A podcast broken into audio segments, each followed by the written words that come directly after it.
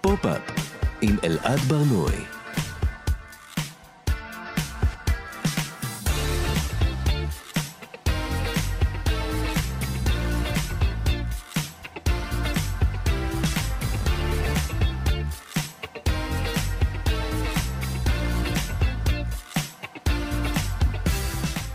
שלום, כאן תרבות, אתם על פופ-אפ. כאן אנחנו מדברים על התרבות שמעניינת באמת. אנחנו ב-105.3 ו-104.9 FM. ניתן להזין לנו גם כהסכת, באתר של כאן, ביישומון של כאן, ובכל מקום שבו אתם מאזינים לפודקאסטים. איתי באולפן טל ניסן, מפיקת התוכנית. לצידה, טכנאי שידור יובל יסוד. שלום לכם, אני אלעד ברנועי, בואו נתחיל.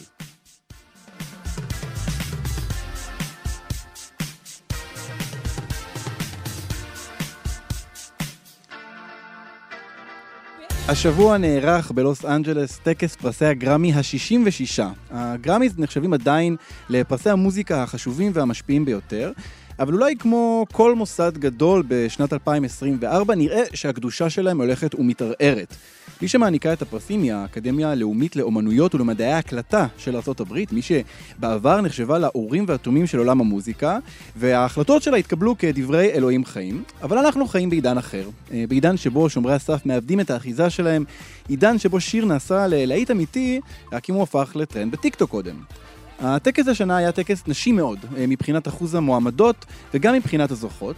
בפרס אלבום השנה זכתה טיילור סוויפט על Midnights, אלבום ששבר שיאי מכירות והשמעות, וסוויפט שברה עוד שיא, היא האומן היחיד אי פעם שזכה בפרס אלבום השנה ארבע פעמים. היא גברה שוב על ביונסה, שהיא שיאנית פרסי הגרמי בכל הזמנים, אבל איכשהו היא אף פעם לא מצליחה לזכות אה, בפרס אלבום השנה. הדבר הזה אה, קיבל ביטוי אה, מביך, נאמר אולי, אה, בערב הזה, כשבעלה, הראפר ג'יי זי, שעלה על הבמה בהקשר אחר בכלל, פצח בנאום passive aggressive, מעין גרסה עכשווית להתפרצות המפורסמת של קניה ווסט בטקס פרסי הגרמי בשנת 2009. בואו נשמע את ג'יי זי מגיב אה, לכך שאשתו לא קיבלה את פרס אלבום השנה. Obviously, subjective because, you know, it's music and it's opinion based. But, you know, some things, you know, I don't want to embarrass this young lady, but she has more Grammys than everyone and never won Album of the Year. So even by your own metrics, that doesn't work. Think about that. The most Grammys, never won Album of the Year. That doesn't work. You know, some of you, some of you gonna go home tonight and feel like you've been robbed. Some of you made it, Rob. Some of you don't belong in the category. Right, no, no, no, no, no, no, that was it. No, when I get nervous, I tell the truth. לקח עלה ג'יי זי על הבמה ועשה בושות לאשתו ביונסה. בפרס הקלטת השנה זכתה מיילי סיירוס על פלאוורס, שיר שזיכה אותה, אותה בשני פרסים השנה. זו הפעם הראשונה שסיירוס זוכה בגרמי. בפרס שיר השנה זכתה בילי אייליש על What Was I Made For מתוך הסרט ברבי. בפרס פריצת השנה זכתה זמרת ה-R&B ויקטוריה מונה. אה, בקטגור... בקטגוריית אלבום ה-R&B המתקדם הטוב ביותר זכתה סיזה עם האלבום SOS. אה, היא גם זכתה בשיר ה-R&B הטוב ביותר עם סנוז. אה, אחד הרגעים הכי יפים בערב היה הופעתה של ג'וני מיטשל בת ה-80, שזכתה בפרס אלבום הפולק הטוב ביותר על ההופעה שלה שיצאה השנה. היא ביצעה על הבמה את השיר Both Sides Now, אנחנו נדבר על הרגע הזה בפירוט. אמ, עכשיו, הגרמי זה אה, כמובן רגע של בריחה עבור כולנו, מה, מה לנו ולזה, זה עולם אחר, עולם נוצץ, אבל כנראה שאי אפשר באמת לברוח לשום מקום בשנת 2024, וגם המציאות שלנו חלחלה פנימה, כשהמלחמה בעזה הוזכרה בהופעה של אני לנוקס, שקרא להפסקת אש, אה, וגם הנרצחים בפסטיבל נובה, שהוזכרו על ידי מנכ"ל האקדמיה, הרווי ג'ייסון ג'וניור, הוא עלה על הבמה ודיבר על 7 באוקטובר ועל החשיבות אה, של מוזיקה שמאחדת בין תרבויות. And that's why music must always be our safe space. When that's violated, it strikes at the very core of who we are. We felt that at the Bataclan Concert Hall in Paris. We felt that at the Manchester Arena in England. We felt that at the Route 91 Harvest Music Festival in Las Vegas. And on October 7th, we felt that again when we heard the tragic news from the Supernova Music Festival for Love that over 360 music fans lost their lives and another 40 were kidnapped. That day and all the tragic days that have followed have been awful for the world to bear as we mourn the loss of all innocent lives. We live in a world divided by so much, and maybe music can't solve everything, but let us all agree music must remain the common ground upon which we all stand, together in peace and harmony. Because music has always been one of humanity's greatest connectors. Think about it. Every song that we're honoring or hearing tonight moved someone. No matter where they were from or what they believed, it connected them to others who were moved in the same way. Take the string quartet. As individuals, they sound really good, but together, they achieve something beautiful they could never do apart. These musicians of Palestinian, Israeli, and Arab descent are here, playing together.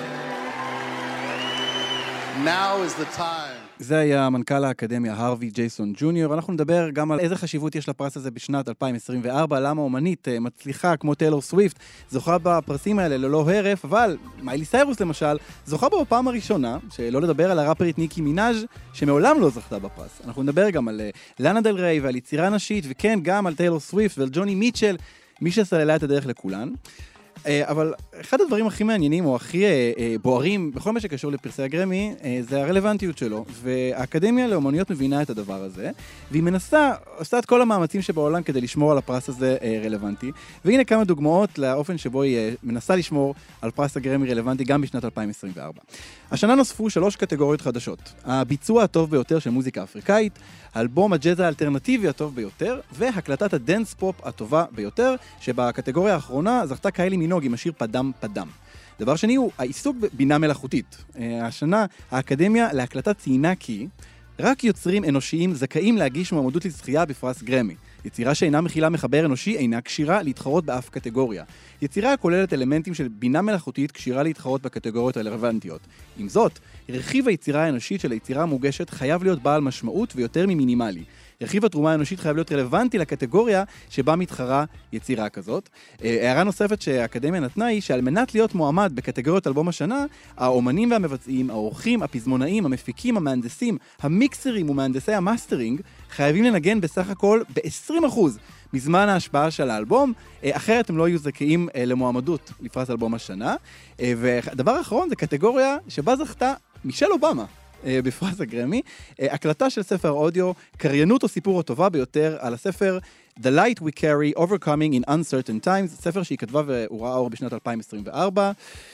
מבולבלים, גם אנחנו, טקס פרסי גרמי 2024, אנחנו יוצאים לדרך. פופ-אפ עם אלעד ברנועי.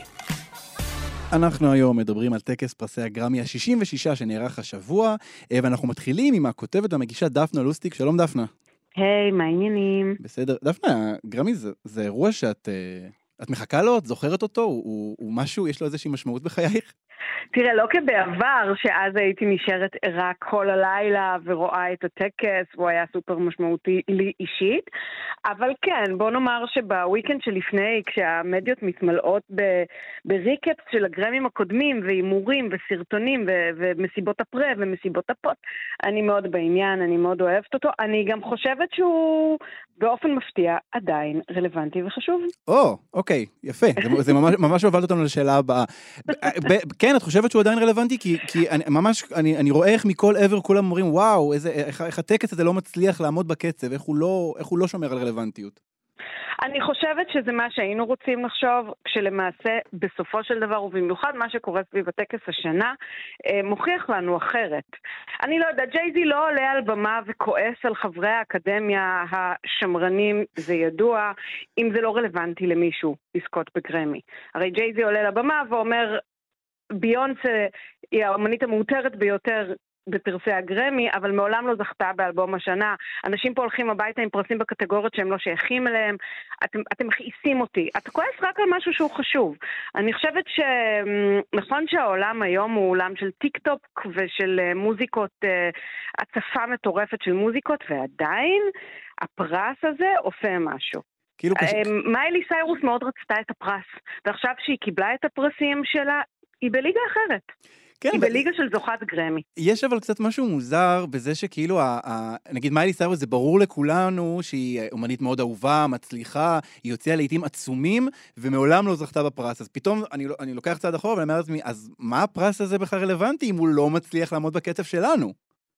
אני חושבת שהוא נותן באיזשהו אופן, אני חלוקה, זאת אומרת, אני אומרת את זה על אף שאני אמביוולנטית אמביוולנטית כלפי זה, לא, הוא נותן תו תקן של איכות. Mm, יש לך פרס, יש לך את הגרמי, יש לך את העיטור הגבוה ביותר שתעשיית המוזיקה יכולה לתת לך. וזה עיטור שהוא הרי, ואנחנו רואים את זה בנושא טיילור סוויפט, הוא לא רק עיטור של האם המוזיקה שלך טובה. כי אם המוזיקה שלך טובה, יכול להיות שדה ויקנד היה זוכה בפרסים שהוא אף פעם לא קיבל, או לאנה דל ריי הייתה זוכה בפרסים, שיכול להיות שהיא הקול האמריקאי, ה singer songwriter י הכי חשוב של הרגע, אבל העיטור הזה אומר שאתה רגע בזמן. שאתה תפסת נקודה בזמן שבה אתה גם נכון תרבותית, גם נכון מוזיקלית, גם עושה משהו כלכלי, אתה מייצג רגע בזמן. אני חושבת שזה, שלכן ה Grammys נשארים רלוונטיים, כי אתה מקבל את הפרס על כמה אלמנטים, לא רק על מוזיקה. כן. קצת כמו באוסקר. הדבר הזה של ביונסה, בואי, בואי רגע נדבר על, ה, על, ה, על הפיל שבחדר. אה, כי, כי בסוף ג'ייזי זה היה רגע נורא מביך שהוא עלה על הבמה, וזה באמת כולם כזה, אני, אני רואה איך, איך כולם זעים באי נוחות בכיסא שלהם, אבל הוא, הוא דובר אמת. כלומר, יש משהו קצת מוזר בזה שאומנית כל כך מצליחה, וכל כך אה, אה, שיאנית פרסים, איכשהו אומרים לה, בזה את יכולה, בזה את יכולה, בזה את יכולה לזכות, אבל בפרס המרכזי, לא, לא, לא, זה הולך לטיילור סוויפט. מה, מה, מה הסיפור פה עם הדבר הזה? אז אני חושבת שהרבה פעמים קשה לדעת אם הסיפור הוא סיפור של גזע. אה, כמו הסיפור של The Weeknd והגרמיז, שבאמת זה למשל הייתה, זה היה תופעה. כי The Weeknd באמת מגלם את כל הדברים שאנחנו מדברים עליהם, זאת אומרת, ברגע ההוא בזמן גילם גם את ההצלחה, גם את החדשנות, גם את האומנות הוויזואלית, גם את האינטרטקסטואליות, את הכל, ועדיין לא קיבל מועמדות. אז מצד אחד, יש פה את העניין שכנראה מדובר בחבורה מאוד מאוד שמרנית וגם מאוד סגורה ודיסקרטית, אתה אף פעם לא יודע בגרמי, הפרוטוקולים אינם חשופים, אתה לא יודע מי זה, אתה לא יודע איך הדברים נבחרים ומוחלטים. ואני חושבת שגם צריך לקחת בחשבון עם כל זה שיכול להיות שביונסה אף פעם אולי אני חושבת, זה, אני, אני, זה מורכב, אני חושבת שכשביונסה הגיעה לשלב שהיא הייתה אמורה לזכות בגרמי על אלבום, כשהיא גילמה כבר את כל האלמנטים האלה, האלבומים לא היו מספיק טובים. Mm, זה מה שאני חושבת. mm. ועדיין, יש פה משהו מוזר. אני חושבת שיש פה גם איזה סיפור שבסוף הוא כולו הסיפור של טיילור סוויפט. גם ההערה של ג'ייזי היא בסוף מהדהדת את השאלה על טיילור סוויפט. שהיא מה קורה פה עם זה שכולנו בסך הכל נולדנו לעולם שגם טיילור סוויפט נולדה בו, והיא טיילור סוויפט, ואנחנו לא, ואפילו ביונסה לא. אתה מבין מה אני אומרת? כאילו שכולנו בני תמותה והיא ב- ב- בסדר גודל אחר של הצלחה, שכל דבר שהיא נוגעת בו אני חושבת, כן, אני חושבת שהשאלה של ג'ייזי מהדהדת את השאלה הקבועה על הגזענות של האקדמיה, שהיא נכונה. ומצד שני, היא, היא פחות מסקרנת כרגע מהשאלה מה קורה פה עם טיילור סוויפט. את, אה, את שייכת ל- לקהל המאזינות, מאזינים של טיילור סוויפט? אני סוויפטית. או, אוקיי, יפה אני מאוד. סוויפטית, ואני נוסעת במאי לראות אותה, ובאפריל היא תוציא אלבום, וזה מאוד ריגש אותי. אוקיי, אז רגע דפנה, אז בתור Swiftie אני ממש יכול לשאול, לשאול אותך בשקט, מה קורה עם טיילור סוויפט? מה, מה קורה פה? מה זה? אני חושבת, ו- ופה זה כן חוזר לג'ייזי, אני חושבת שלא מזיק שהיא הדמות הלבנה המושלמת. אה, ואני חושבת שאיפשהו אחרי הרבה שנים סוערות של יחסים בין גזעים שהשתקפו מאוד בעולם המוזיקה, אה, טיילור מאפשרת להחזיר איזה שקט. אתה מבין מה אני אומרת? היא דמות ליברלית, היא דמות דמוקרטית, היא דמות פמיניסטית, היא self-made ביליונר. כל האלמנטים מתחברים, היא הבחורה הכל אמריקאית, אה, משהו שם מחבר המון המון המון המון רבדים באמריקנה, ושוב, השירים טובים. כן. השירים טובים, השירים באמת באמת באמת טובים. אבל זה מעבר לזה, היא מגלמת משהו מאוד מאוד בלתי מושג, ועדיין מאוד מאוד מאוד נגיש. מה שביונסה לא, לא מגלמת. ביונסה היא באמת דיבה מהזן הבלתי נגיש, הכוכב בשמיים. Mm. את, את, את יכולה לחשוב מה, את יודעת, אני הסתכלתי על, ה, על הרגע של הזכייה, והיא נראתה כמעט נבוכה מהמעמד הזה. כאילו היא כמעט, כאילו היא מרגישה כבר לא נעים, כאילו די, תיתנו למישהי אחרת, די, זה, זה באמת לא יפה. מה, את יכולה לדמיין מה יכול להיות מבחינתה השלב הבא? כאילו, איך אומנית בסדר גודל כזה יכולה, איך, איך מדמיינים בכלל את השלב הבא של זה? אני חושבת שמה שטיילור, השלב הבא, זה רק להמשיך את השלב הזה, שהוא לא לעשות שום דבר חוץ ממוזיקה. אתה שם לב לזה? הכלכלה שהיא טיילור סוויפט מושתתת אך ורק על מוזיקה. כן, כלומר זה לא... זאת אומרת, אין פה ביצום, לא, אין כן. פה בגדים, אין פה איפור, זה לא ריאנה לצורך העניין. כן, כמו ההפך מריאנה, שריאנה לא עושה מוזיקה ועושה רק אופנה, והיא עושה רק מוזיקה בלי אופנה. היא עושה רק מוזיקה ומטפסת ומטפסת ומטפסת. יש פה משהו בהתמסרות שלה לאומנות הזאת ולמעריצים שלה, שהוא די חד פעמי. היא אישה מאוד לא מפוזרת, בוא נאמר, היא מאוד לא מתפזרת. Mm. אז אני חושבת שגם היא הייתה נבוכה מהמעמד. אמ, וגם היו הרבה קולות, אולי סיזה תיקח לה את האלבום, אתה יודע, לא היה בטוח שזה ילך לטיילור סוויפט. אני מודה שאפילו קצת הופתעתי שזה הלך גם אני לטיילור הופתעתי, סוויפט, כן. על אף שמגיע לה. תשמע, מגיע לה. אני רוצה לשאול אותך על אה, עוד דמות שהוזכרה על ידי טיילור סוויפט, בצורה שבעיניי הייתה מעניינת, אה, כי הייתה חריגה, היא הזכירה את לאנה דל ריי.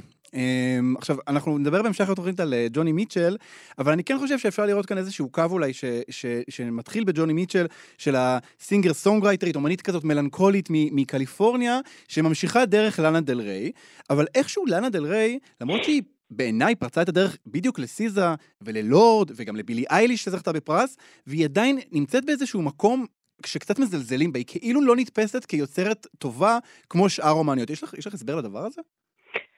אמ, אין לי הסבר מלבד הכריזמה.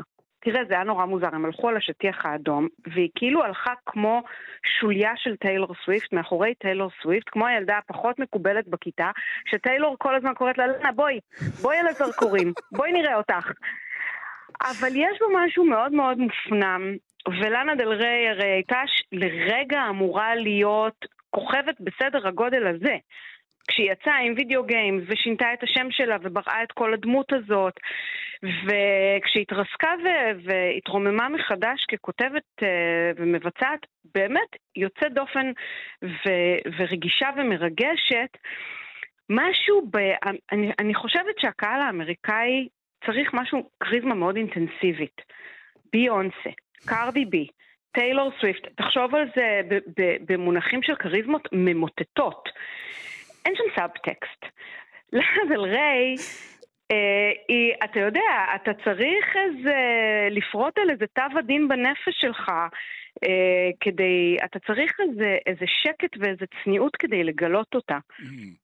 אה, ואני חושבת ש, שהאיכות הזאת מתפספסת. ב, ב, ב, בטח ב, ב, במקום הזה של האקדמיה ושל הגרמי, שמקדשים הרבה מאוד אלמנטים של הצלחה וכלכלה וכאלה. כן. והערצה. כן, כן, האמת שאני אז אני ממש מסכימה שאת אומרת. פתאום אני חושב על, על טיילור סוויפט ועל ה, על ההופעות העצומות האלה ועל התלבושות וכל הדבר הזה, המרחק מזה ללאנה דל ריי הוא ענק. בדיוק. Uh, אני רוצה לשאול, אנחנו לקראת סיום דפנה, אבל אני כן רוצה לשאול אותך על ה...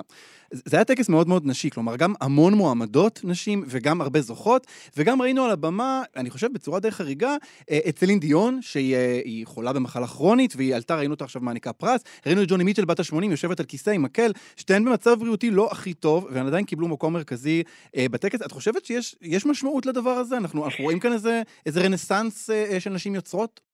כן, כן, כן, וזה גם כמובן בא לידי ביטוי בזכייה, שאפשר לקרוא לה, אני לא יודעת אם היסטורית, אבל מאוד חשובה של בוי ג'יניוס בפרס הרוק, שהוא מסורתית פרס של גברים, והן להקה שמורכבת משלוש נשים, שגם אה, אחת מהן אה, לא היססה בסוף הטקס אה, לאחל ליושב ראש קודם של האקדמיה שהורשע באונס להירקב בגיהנום, ואני תומכת בה.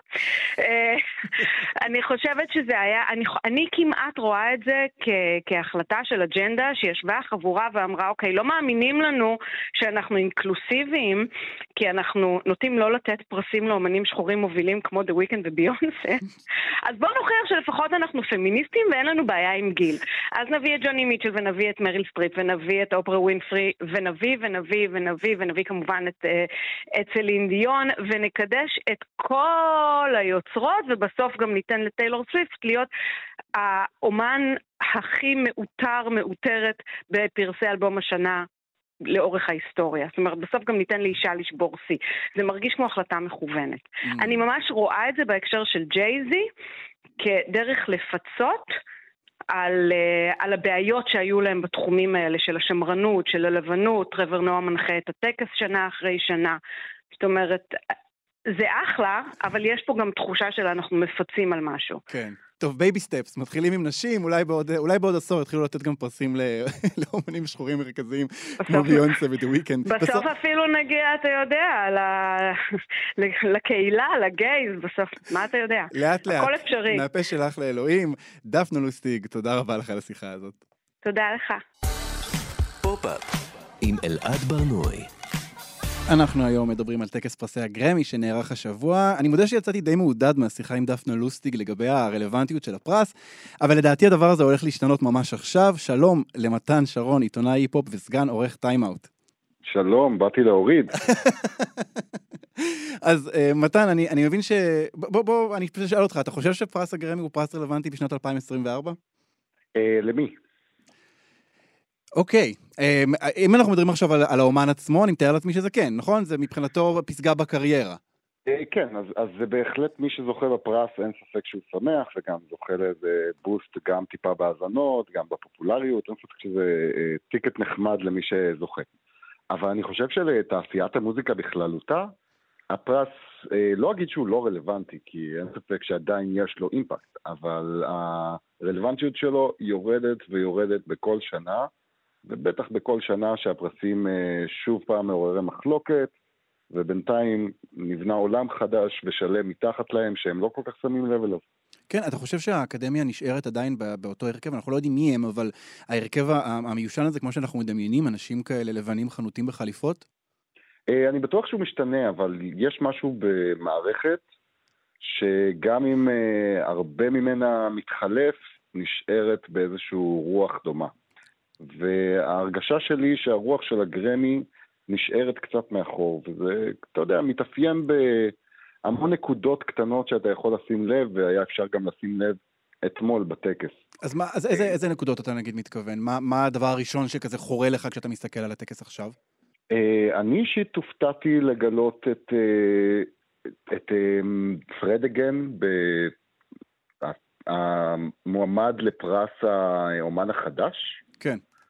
אה, קצת תמוה בעיניי, אה, ובכלל היה שם עוד כמה בחירות אה, ספציפית לדבר הזה, Ice Spice למשל, שפרצה ב-2021 בפועל, אז אנחנו כבר מכירים אותה איזה שלוש שנים. כן, כלומר Ice Spice הראפרית לקח להם איזה שנתיים להבין, לעלות ברדארים שלהם בכלל, ועכשיו הם מתארים אותה כאומן חדש. ולא רק זה, לא רק אומנים, אלא אנחנו מדברים על ז'אנרים שלמים. למשל, אחת ההופעות בעיניי היותר מעליבות מאתמול, במיוחד של אומנים צעירים, כי רוב הערב אה, הוקדש דווקא לאומנים ותיקים, אה, הייתה הופעה של ברנבוי, שזו בעצם הייתה פעם ראשונה שהופיעו עם אפרוביטס ב... בתולדות הגרמי. Mm. ואנחנו מדברים פחות או יותר 4-5 שנים אחרי הפריצה של הז'אנר. כן, ברנבוי צריך להגיד, הוא אומן ניגרי, נכון? הוא, הוא, הוא, הוא היה בפסקול של מלך האריות, כלומר, אלה דברים שהם כבר, זה, זה, זה לא זה, זה לא שוליים, זה מיינסטרים. הוא היה האומן המושמע ביותר בעולם ב-2021 נדמה לי, או 1 או 20. עכשיו, אה, ברור שבגלל שמדובר במוזיקה שמגיעה ממקומות טיפה אחרים בעולם, אז לגרמי יש איזה blind spot. אבל אנחנו רואים את ה blind spot ים האלה בהמון המון דרכים, והמון פעמים מה שקורה עם ה Grammys, וזו אחת הבעיות הגדולות ביותר, ובעיניי עוד סיבה שהופכת אותם ללא כל כך רלוונטיים, ושהם עובדים על איזה מין התחשבנות כזאת, שהם אה, מנסים כל הזמן לאזן בין, אה, דפקנו את הזה פעם שעברה והתעלמנו ממנו, אז עכשיו אנחנו נתייחס אליו ונתעלם מהבא. וזה נוצר מין מעגל מוטרף שהם אף פעם לא, לא מתקרבים ללקלוע, ואני חושב שמי שביטא את זה הכי טוב היה דווקא ג'ייזי. כן, אה, במה שהוא אמר על, אה, על ביונסה, באירוע הזה? בהחלט. הוא העביר, אתה יודע, אני, אנחנו מעבירים פה נקודות על, על פניו אנקדוטיאליות, אבל uh, בפועל uh, הן מצטברות לאיזושהי אמירה שמצביעה על uh, בעיה לא, לא קטנה בגרמיז. Uh, הוא אומר, אפילו לפי המדדים שלכם, ביונסה מקבלת אה, את אה, פרס, אה, היא המותרת ביותר בפרסי גרמי. כן, 32 לא פרסים, כן. תודה רבה, ולא קיבלה אפילו פעם אחת את אה, פרס אלבום השנה. שזה כבר אבסורד. אני אשאל אותך עוד אבסורד, אבסורד מעניין שבאמת אה, קרה אתמול. אה, בלי לזלזל רגע בטיילור סוויפט, אה, אתה חושב שהקטלוג שלה יותר מעמיק, משמעותי, מפרנק סינטרה, סטיבי וונדר או פול סיימון? אה, אני חושב שהוא מתחיל להתקרב לרמה מבחינת ההשפעה שלו וההצלחה בטח. מתחיל להתקרב מבחינת ההשפעה וההצלחה. כן. לקחתי. היא עכשיו זכתה, שברה שיא בעצם, האומנית הראשונה שזוכה ארבע פעמים בפרס אלבום השנה. כן, יותר משלושת האומנים האלה, כן, שהם כן. תיקו על השלושה פרסים. אז, עכשיו, אז, אז מה זה? מה, מה, מה, מה קורה פה? מה מה לדעתך הסיבה ש- שהדבר הזה נהיה כזה? אה, אני חושב שזו מערכת שמתחזקת את עצמה בעיקר. די דומה להרבה טקסים ו- ופרסים בשנים האחרונות, ואפשר לראות את התגובות גם לפרסים גם מתעשיות אחרות. אה, דוגמה נהדרת זה פרסי האוסקר, שהם נשארים עם איזשהו... הדברים משתנים מהר יותר היום. אנחנו כבר לא בעידנים שבשביל תנועה חברתית-תרבותית צריך אה, עשור כדי שזה בכלל יתפתח. דברים קורים מהר יותר, והמערכות האלה לא בנויות כדי להבין את הדברים האלה מספיק מהר. אז קורים מצבים שפרס האומן החדש מגיע למישהו מלפני חמש שנים. כן. כשאתה יודע, לפני עשרים שנה, אה, עשרים, עשרים ומשהו שנה, אלישה קיז זכתה אה, במיליון פרסים בשנה הרלוונטית, ולורן היל זכתה בשנה הרלוונטית. ואז אתה מתחיל להסתכל על הדבר, ואתה מבין שהם קצת מאבדים את האדג' שלהם ואת היכולת אה, להיות בפרונט ולדבר על המוזיקה הרלוונטית, כשהקהל, ברובו המוחלט, נמצא כמה שנים לפניהם. Mm.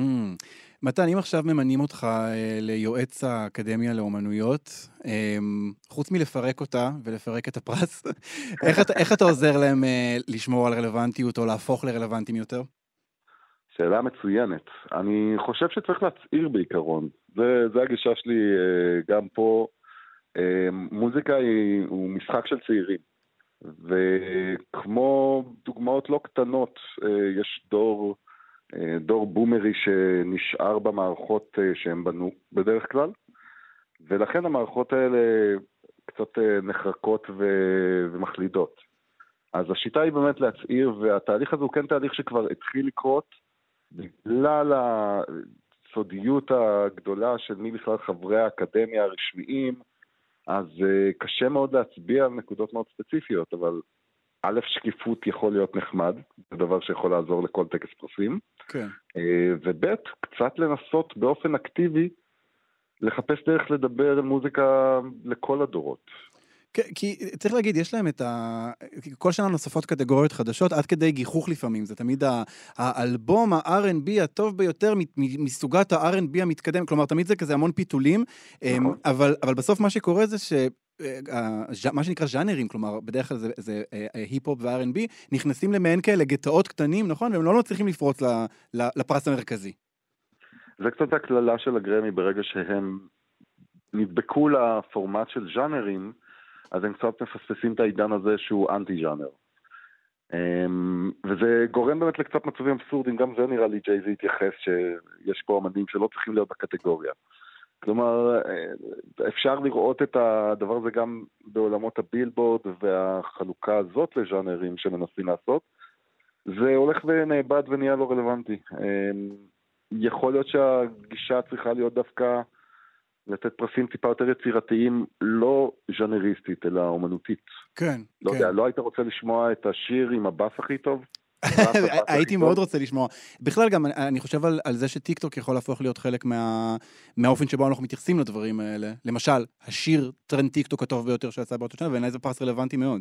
לא רק רלוונטי, אני חושב שהוא יהפוך את הטקס להרבה יותר מעניין ואקטואלי, וקצת יחיה אותו גם מבחינת הטקס עצמו. אתה יודע, ראינו אה, סך הכל טקס ממלכתי מאוד, עם מעט מאוד דברים. השערורייה הכי גדולה הייתה שאומן הראפ נעצר, וגם זה רק כי הוא התווכח ורב עם איזה מאבטח. כן, אנחנו מדברים על קילר מייק, שהוא גם זכה בשלושה פרסים, אז לפחות הוא לפחות יצא מורווח מהערב הזה. טוב, אני מקווה שחברי האקדמיה מאזינים לנו והם יישמו את כל ההמלצות שלנו לשנה הבאה. מתן. שרון, תודה רבה לך על השיחה הזאת. תודה, אלעד. פופ-אפ עם אלעד ברנועי. אנחנו היום מדברים על טקס פרסי הגרמי שנערך השבוע, כשאחד מרגעי השיא של הערב הוא ההופעה של ג'וני מיטשל הקנדית בת ה-80, שביצעה את השיר Both Sides Now. And flows of angel hair and ice cream castles in the air and feather canyons everywhere. I've looked at clouds that way. But now they only block the sun. They rain and they snow on everyone. So many things I would have done. But clouds got in my way.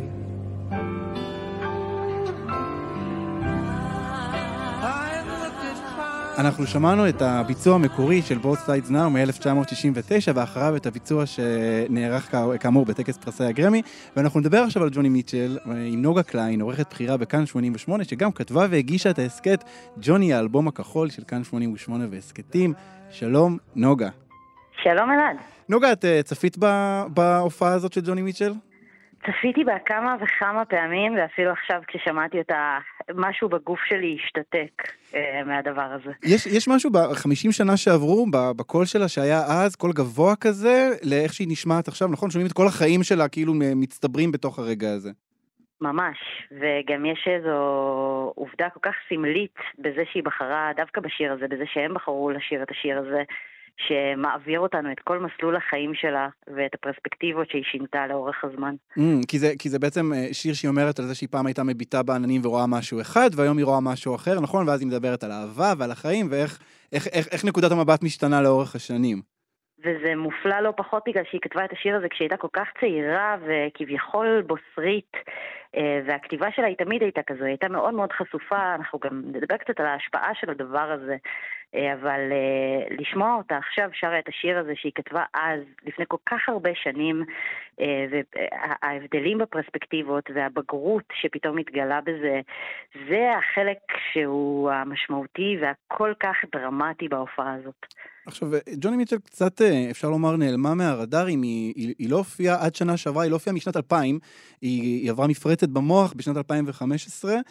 אמ, הרגע הזה שהיא חזרה פתאום, זה, זה היה כמעט כמו, כמו תחיית המתים כזה, נכון? זה היה כמו תחיית המתים, וזה היה הדבר אה, הכי מרגש שהמעריצים שלה יכלו לצפות לו, בגלל שבאמת באותה תקופה היה חשש אמיתי לחיים שלה, והיה גם, היא, היא, דיוויד קרוסבי סיפר שהיא לומדת ללכת מחדש. זאת אומרת, זה היה כל כך בסיסי שאנחנו לא נשמע אותה יותר שרה, ובטח שלא מקליטה או מופיעה, ופתאום ההופעה הזו הייתה כל כך מרגשת בדיוק מהסיבות האלה, של איזו תקווה מחודשת שאפשר לראות אותה, שהיא עדיין איתנו ושהיא עדיין מוזיקאית פעילה. אה, מה שכל כך מרגש בשביל כל כך הרבה אנשים. אמ, אני, אני רוצה רגע להתייחס לנקודה לפני שנדבר על המוזיקה שלה, וזה שאם מחפשים אותה, את המוזיקה של ג'וני מיטשל בספוטיפיי, היא בעצם לא נמצאת שם, אה, נכון? היא, היא, היא מחתה על, ה, על המקום שג'ו רוגן קיבל בספוטיפיי כמתנגד חיסונים, והורידה את כל המוזיקה שלה משם, שזה צעד די קיצוני ודי יוצא דופן. זה צעד מאוד קיצוני ומאוד יוצא דופן, היא עשתה אותו במקביל בעצם לניל יאנג שעשה נכון. את אותו הדבר, ובהתחשב במוזיקה ששניהם עשו לאורך השנים, אין בזה הפתעה גדולה, הם תמיד היו שניהם באיזו חזית של מחאה, הלהיט אולי הכי גדול של ג'וני מיטשל, ביג ילו טקסי, הוא שיר של מחאת אקלים הרבה מאוד שנים לפני שהדבר הזה mm. בכלל היה חלק מהחיים שלנו, אז הם שניהם תמיד היו באיזו חזית של אקטיביזם, ובהקשר של ג'ו רוגן זה אפילו עוד יותר מעניין, בגלל שבזמנו הם עשו את זה כמחאה מול מתנגדי החיסונים ומול המקום שהם מקבלים בספוטיפיי, ואולי איזה פרט ביוגרפי שקצת פחות ידוע בהקשר של שניהם זה ששניהם חלו בפוליו כילדים קטנים. וואו. ושניהם חוו על בשרם מגפה שבסופו של דבר נמצא לה חיסון, ואני חושבת שהעובדה שהם בחרו למחות בצורה כל כך קיצונית, היא חלק מהעובדה שהם חוו את זה על בשרם יד ראשונה. וואו. את יודעת, נוגה, זה, אנחנו מסתכלים על הטקס שהיה אתמול, ואנחנו רואים אה, אה, את טיילור סוויפט, הזכרנו אותה אה, מספר פעמים בתוכנית, אה, זוכה בפרס אה, אלבום השנה פעם רביעית. זה כמעט נראה מובן מאליו שאומנית סינגר סונגרייטרית אה, תזכה בפרס כזה, אבל כשג'וני מיטשל התחילה, היא, היא הייתה פחות או יותר לבד בשטח. כן, ודווקא בהקשר של הטקס הספציפי הזה, זה כמעט היה קשה לחשוב על מקום יותר הולם בשביל ש... לתת את הכבוד הזה לג'וני מיטשל. כי אם אתה מסתכל אפילו על הקהל תוך כדי ההופעה הזו, אתה פשוט רואה בעיניים של הנשים האדירות והמוזיקאיות האדירות האלה, שנהנות מכל כך הרבה הצלחה עכשיו, ובראשן כמובן טיילור סוויפט, את ההערצה ואת המקום שג'וני מיטשל תפסה בחיים שלהן. אה, קצת קשה לדמיין מצב שבו שירים שמגיעים מזווית פנימית ואינטרוספקטיבית ומאוד אישית מצליחים בצורה כל כך גורפת אם לא הייתה שם ג'וני מיטשל שתחצוב את הדרך. בזמנו כשהאלבום בלו רק יצא, האלבום שנחשב לאלבום האגדי שלה, Uh, הרבה מאוד גבות הורמו, זה היה דבר מאוד לא מובן מאליו להוציא החוצה, כי היה אז פולק שהיה פוליטי והיה פולק שהיה שנגע לכל מיני בעיות בעולם ולכל מיני צרות, אבל לא מפרספקטיבה כל כך אישית וחשופה, ולא מפרספקטיבה שהיא של אישה בצורה הזו. וכשבלו יצא, אנשים כמעט ולא ידעו איך לעכל אותו. לקח לאלבום הזה הרבה מאוד זמן לקבל את המקום התרבותי שהוא מקבל היום. ובמובן הזה, בהרבה מאוד אופנים, הכתיבה של ג'וני מיטשל וצורת ההגשה שלה, הכל כך אישית הזו, השפיעה על דור שלם של יוצרות שעכשיו קוטפות את הפירות שהיא ממש שתלה את הניצנים אליהם. את חושבת, נוגה, שחלק מהסיבה שלקח זמן לעכל אותה גם קשור לקול שלה? יש לה קול נורא יוצא דופן שאני יודע ש, שיש הרבה שקשה להם איתו, ש, שהוא גבוה להם מדי, הוא זועק להם מדי, אה, שהם שומעים אותו והם מרגישים משהו מיד בגוף, הם רוצים להעביר הלאה לשיר הבא. אני חושבת שזה מאוד קשור לזה, ואני חושבת שבאופן כללי ג'וני מיטשל היא פשוט דוגמה למוזיקאית שבשום שלב, היא, היא באמת אומנית, זאת אומרת, יש לה גם קריירה בציור, היא בן אדם שבשום שלב לא חשב לעשות פשרות מוזיקליות או אומנותיות לטובת מה שיהיה לנו קל יותר לעכל. והדבר הזה התבטא בדרך מאוד מאוד ארוכה בתעשיית המוזיקה ומלאה בקשיים, וזה גם התבטא בזה שלקח זמן, לקח זמן להבין את הגדולה שלה, גם ככותבת, גם כזמרת. אה, והקול הזה שאתה מדבר עליו, המאוד מאוד גבוה, שגם, כמו ששמענו, מאוד השתנה עם השנים, כן. אה, ואפילו הבחירה שלה ללכת בשלב מתקדם יותר של הקריירה לכיוונים של לגמרי ג'אז, וכיוונים שהם כביכול הכי פחות צפויים ממוזיקאית שיש לה כזה קהל גדול, היא כל הזמן עשתה את הדבר שהיא הרגישה שהוא נכון, ולאט לאט העולם נצמד אליה, ולא להפך. היא לא עשתה התאמות. אנחנו לאט לאט הקשבנו לה ביותר קשב. אה, וזה חלק מהסיפור. את יודעת, גם זה, זה אני חושב שחלק גדול מה... מ, כשאנחנו מדברים על מוזיקאים, בטח על מוזיקאים של, אה, שהם כותבי מוזיקה פופ כזאת או פולק, אה, נורא קל להתעלם או לשכוח מהמילים. אה, אני חושב שכבוב דילן זכה אה, בפרס נובל לספרות, אז פתאום אנשים מסתכלים ואומרים, אה, אוקיי, אולי הוא משורר. ואני רוצה רגע לשים את ג'וני מיטשל גם במקום הזה, כי אני חושב, ותקני אותי אם אני טועה, אבל אני חושב שהיא כותבת ממש באותו סדר גודל של משוררים שמוצאים ספרי שירה מודפסים. כלומר, השירה שלה היא שירה פואטית, לא פחות משהיא שירה שכיף לשיר אותה. לחלוטין, וגם הרבה מאוד אנשים שהם, אתה יודע, המוזיקאים הגדולים ביותר שמסתכלים על כתיבה של מוזיקאים אחרים, מציינים את ג'וני מיטשל לצד בוב דילן, לצד ליאונרד כהן, בלי לחשוב על זה פעמיים. זה מאוד ברור שהיא נמצאת שם בסדר הגודל הזה, וגם היא מבחינתה בכלל התחילה את הדרך שלה כמוזיקאית לא כזמרת, אלא ככותבת שירים. הלהיט הגדול הראשון שלה, השיר ששמענו, Both Sides Now, הוא לא התפרסם בגרסה של ג'וני מיטשל, נכון. הוא התפרסם בגרסה של ג'ודי קולינס. נכון, נכון. היא קודם כל ראתה את עצמה ככותבת, אה, ומעבר לזה שהיא הייתה אחת הנשים הראשונות שעשו את זה, היא גם עשתה את זה בכישרון כל כך גדול שהיה אי אפשר להתעלם ממנו, אפילו בתקופה ההיא שפתחה הרבה פחות דלתות לנשים אה, להביע את עצמה דרך כתיבה. נוגה, אני קורא בין השורות שאת די אוהבת את ג'וני מיטשל. אתה לא טועה בכלל. טוב, אז אה, האמת שחיפשתי כבר אה, הרבה זמן תירוץ להצליח להביא אותה אה, לתוכנית, לפופ-אפ, ואני שמח פה ששני מעריצים של ג'וני מיטשל ניהלו את השיחה הזאת. נוגה קליין, תודה רבה לך על השיחה הזאת. תודה רבה לך, ואם אתה רוצה, אני מוכנה לעלות בכל יום לדבר על ג'וני מיטשל כמה שתרצה, אחד מנושאי השיחה הכי טובים שאפשר. בסדר גמור, רשמתי לפניי. תודה, נוגה. להתראות. וזהו, אנחנו הגענו לסוף התוכנית, פופ-אפ בכאן תרבות. תודה לטל ניסן על ההפקה, תודה לטכנאי השידור יובל יסוד, אני אלעד ברנועי, להתראות.